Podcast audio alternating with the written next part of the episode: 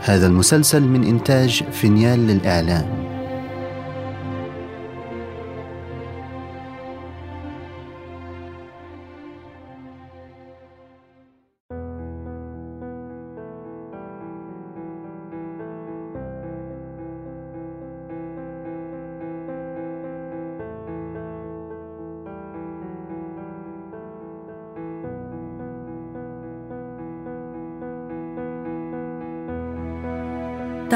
المدن طويلا. تعيش كأنها الأبد. أراكم تصنعون الحياة وتمضون لكنني اليوم سأصنع الحكاية والحياة معا. فأنا المدينة التي حملت في طياتها كثيرا مما لم يعرف عنها من الأحداث الكبرى.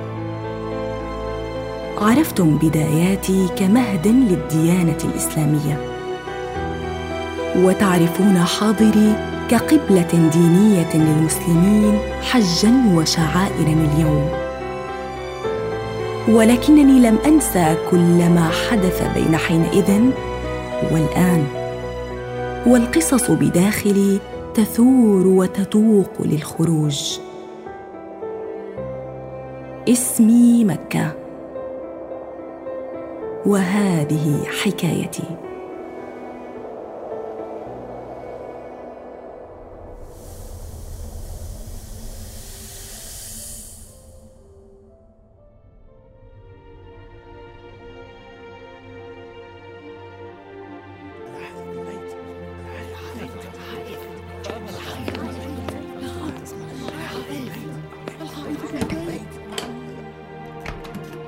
العائد بالبيت.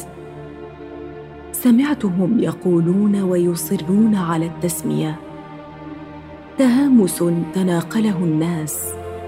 وأصغيت بفضول لكي أدرك من هو المعني.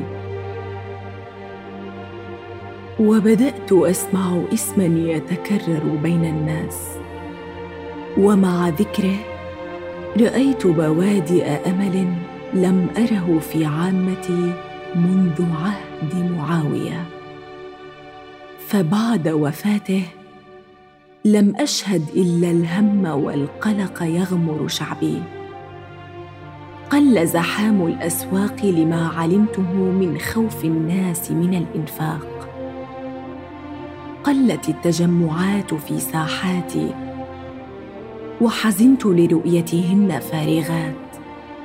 وعرفت أن ذلك بسبب انشغال أذهان أهلي بالتفكير بالمستقبل الغير مؤكد.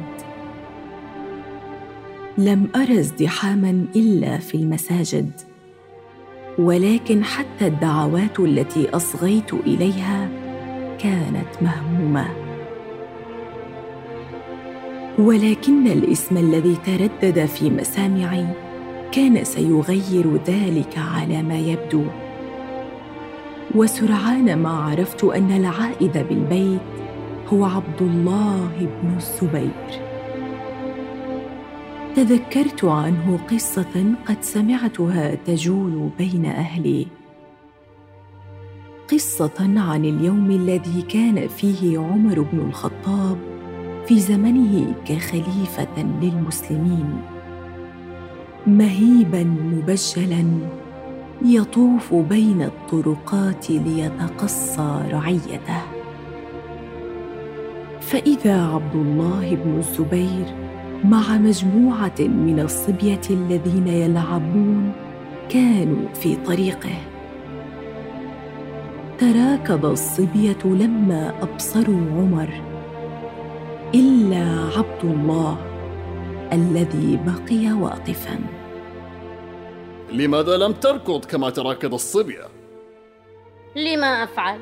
لست صاحب جرم حتى أخاف ولا الطريق ضيقة حتى لا يمكنك المرور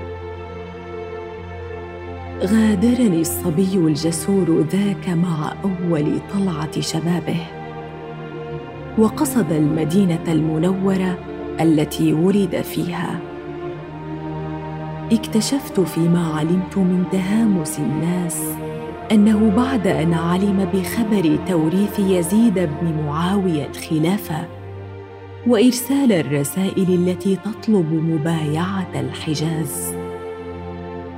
كان أن احتج على ذلك بتركه للمدينة عائدا إليه. البيت المحرم القتال فيه بأمر الله فاستعاذ بالبيت الحرام من الحرب. لقد كان احتجاجا صامتا في بداية الأمر حتى تجمع حوله الناس وعاملوه معاملة الخليفة الجديد. فكانوا يستمعون لكلامه البليغ المقنع ويؤكدون على صحته. أيها الناس! لقد نقض معاوية العهد الذي قطعه على نفسه صلحا مع الحسن بن علي لما عين يزيد خليفة للمسلمين. وإن مكة اليوم مدينتنا المباركة هي أجدر بأن تكون مركز الخلافة دونا عن دمشق. فمنها انطلقت بشارة الرب وهدي محمد. كان قد حزن قلبي لفراغ شوارعي وساحاتي من الناس. والاشتياق لسماع أصوات غير الانين فلم يسعني إلا أن أسعد برؤية الحماس الذي ملأ معشري مع ظهور عبد الله. شعرت بأنه قد أنعشهم فكان اسمه وإمكاناته موضوع المحادثات أينما استمعت. فأمل شعبي أن وجوده سيجلب استقرارا جديدا. وتابعت أنا كل ما يحدث بحثا عن بوادر للانفراج. إلا أنه لم يظهر في الأفق شيئا يدل على ذلك. بل إن الأمر اشتد في ذلك اليوم الذي استيقظ فيه أهل مكة على خبر اقتراب الجيش الأموي الذي يقوده عمرو بن الزبير. فقد أراد يزيد أن يستعيد الحجاز التي شعر بأنه قد يخسرها تدريجيا. ما إن تناهى إلى مسامعه خبر التفاف الناس حول عبد الله بن الزبير. وبغضهم للخليفة في دمشق. ولما سمع أن عمرو بن الزبير أخا عبد الله كان قائد شرطة الحجاز في عهد والده معاوية كان له أن راسله بأن يخرج بجيش سيرسله من دمشق إليه يحمل ألف مقاتل من الرجال. لن تجد رجل توجهه إليه. أنكى مني.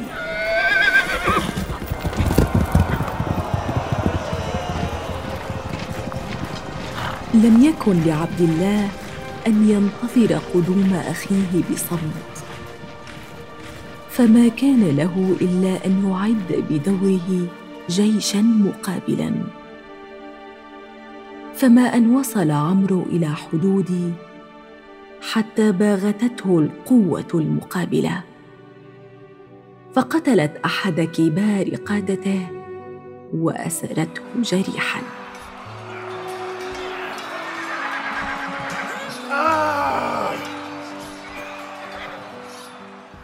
شهدت بعد ذلك حادثة لم أعرف لها مثيلا.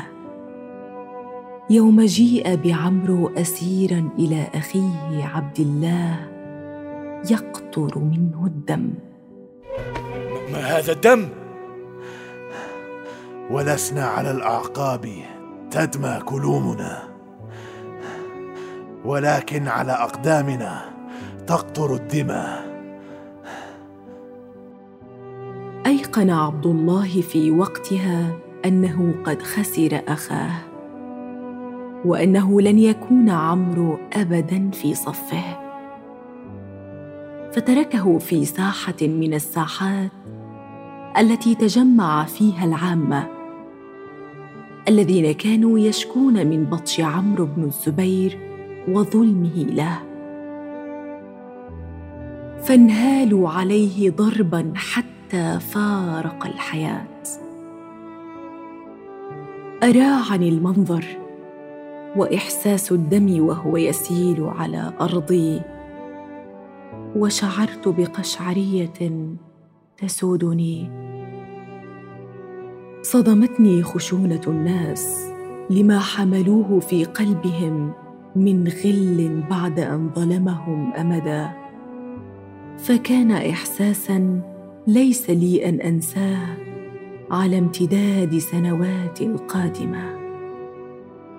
وخفت من أن هذا الدم الذي شربته أرضي سيجعل دائرة العنف والموت تكبر وتتسع.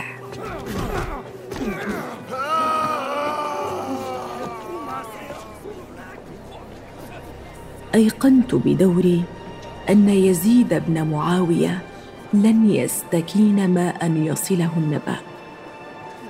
واستمر عبد الله برفض مبايعته ولكنه لم يأمر بالناس حتى يبايعوه هو في مكة أيضا. لذلك بقي ذلك السؤال الذي يربك الأهالي. من هو خليفتنا يا أهل مكة؟ لم يتأخر جواب السؤال طويلا. فما كانت إلا فترة يسيرة حتى أرسل يزيد جيشا جديدا لكي يضعف ابن الزبير. جيشا حاصر حدودي لمدة أربعة وستين يوما بالتمام. في الشهر المحرم لسنة أربع وستين للهجرة. فشعرت بارتباك الناس وتعاظم خوفهم. في محادثاتهم وفي أرق النوم الذي تابعته كل ليلة. فوانيس مضواه إلى الصباح ودعاء وبكاء وجزع. ثم حدث أمر لم أشهد له مثيلا قط.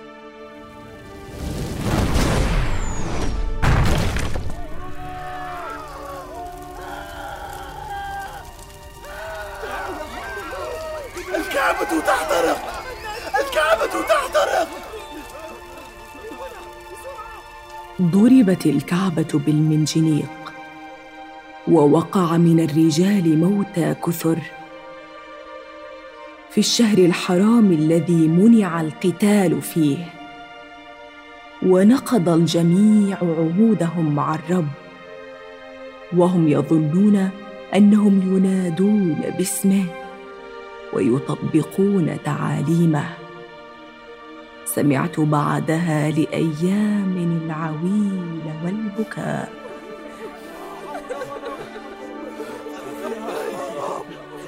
وتحسرت على ما آلت الأمور إليه وانتظرت مع المنتظرين وقوع المواجهة الدامية التالية. إلا أنني راقبت بحيرة بعدها عندما فجأة أمر قائد جيش يزيد بالانسحاب. فعلمت مع الذين علموا عن اضطراب كبير صار في دمشق. فيزيد قد مات.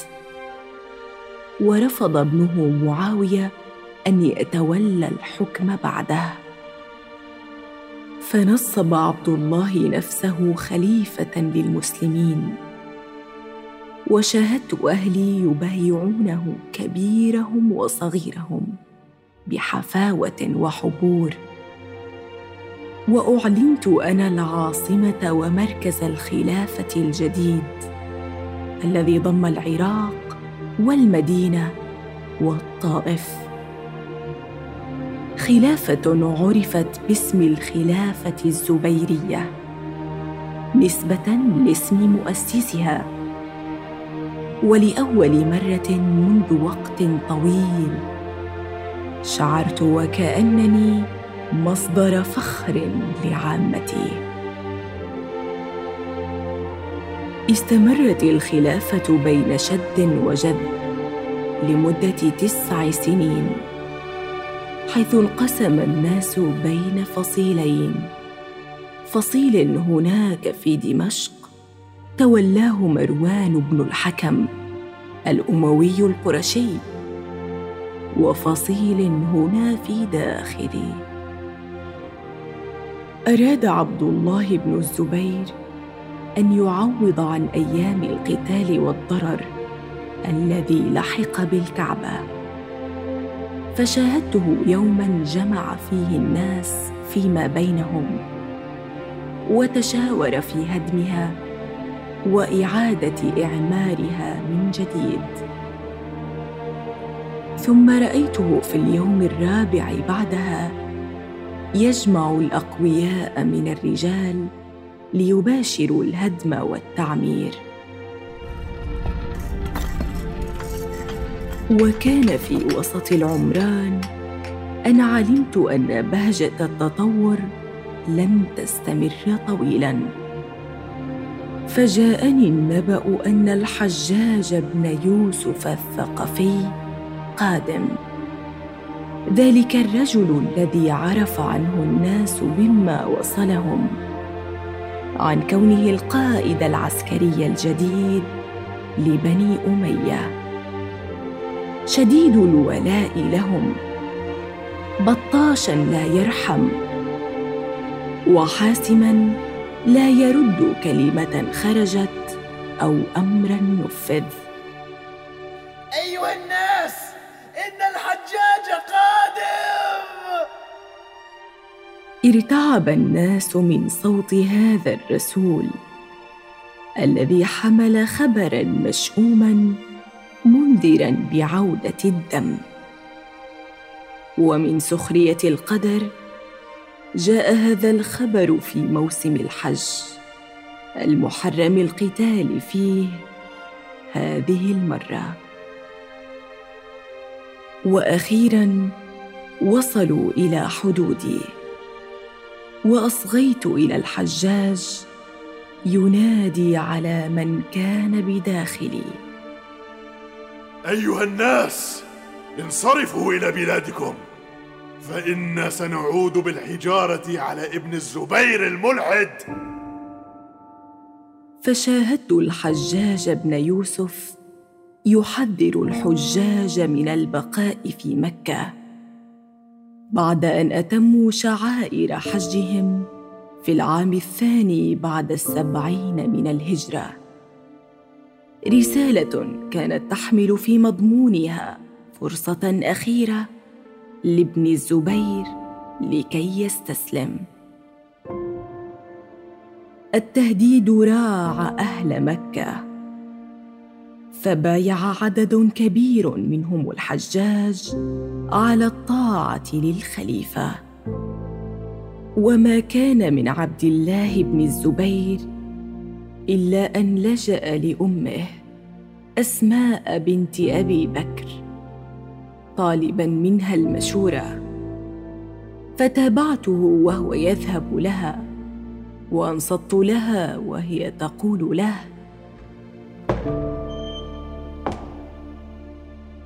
أنت والله يا بني أعلم بنفسك.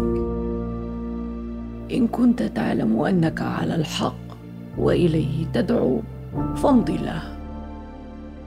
فقد قتل عليه أصحابك. ولا تمكن من رقبتك يتلاعب بها غلمان بني أمية. وإن كنت إنما أردت الدنيا فبئس العبد أنت.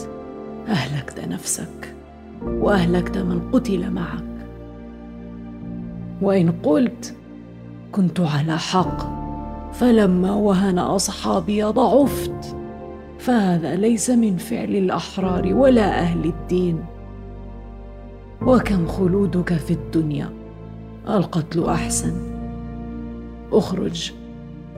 حتى أنظر إلى ما يصير أمرك. فخرج بعدها عبد الله بن الزبير عاقدا عزمه على القتال. وشاهدت بلا حول ولا قوة الكعبة تعود لتحترق من جديد. ولفتره لم أر ولم أشم إلا الموت. لم أسمع إلا الأنين والعويل والأنفاس الأخيرة. مات الخلق إما من النيران وإما من الجوع حصارا. بعد أن طال حصار الحجاج حتى استدام ستة أشهر وسبعة عشر يوما.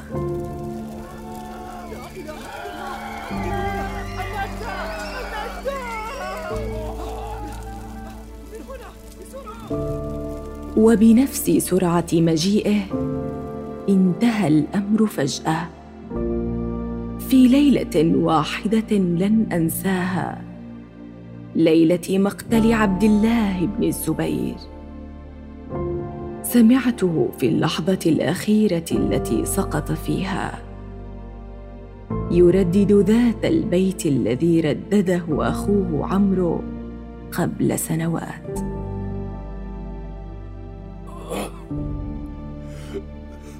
ولسنا على الأعقاب تدمى كلومنا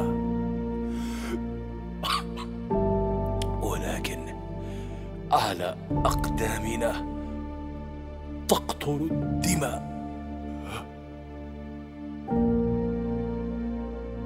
بمقتل عبد الله بن الزبير.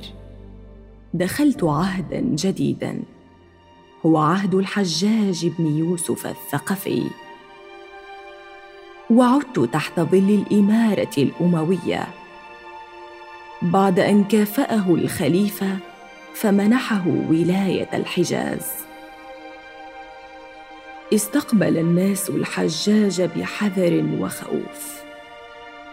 فقد بقي ماثلا أمامهم ما فعله بجسد عبد الله بن الزبير بعد أن قتل. عندما صلب جسده بعد أن قطع الرأس ليرسله للخليفة في دمشق. ولم يمض وقت طويل حتى اشتعلت الخلافات بين الحجاج والناس. هو يبطش بهم وهم يراسلون الخليفة في دمشق بما يلقونه من ظلم. وعلى شوارعي وجدت الاحتجاجات والنزاع بين الشعب والشرطة. والمنظر المألوف للضرب والصريخ والموت. اخرج من مكة.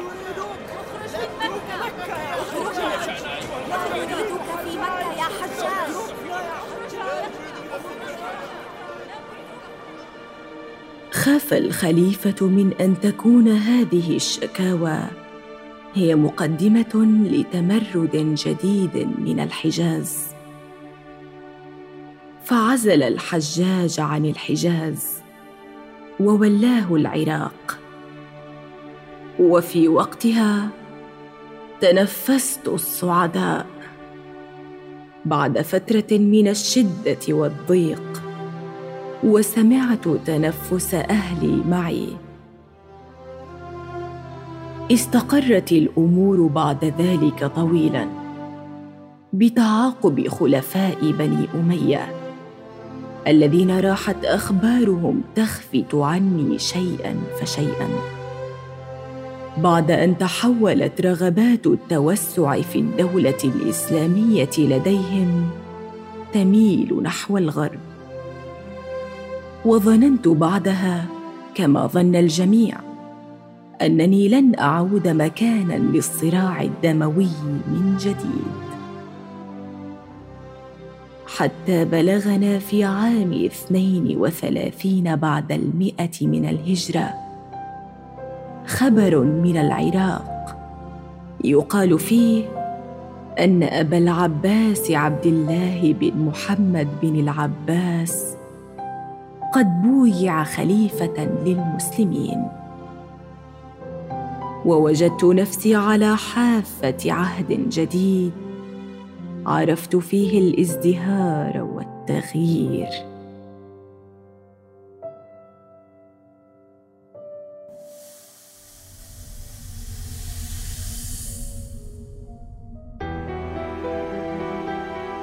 فتلاشى عصر وحلت مكانه حقبة جديدة. ولكن حكايتي لم تنتهي. فطالما يستمر الوقت بالمرور تنمو في داخلي فصول جديدة. وتسرد قصص أخرى عن مكة وما يحدث فيها.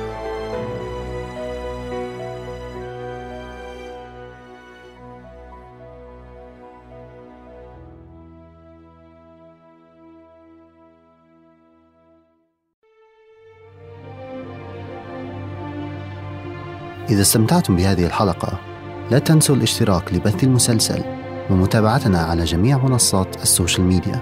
التفاصيل في وصف الحلقة.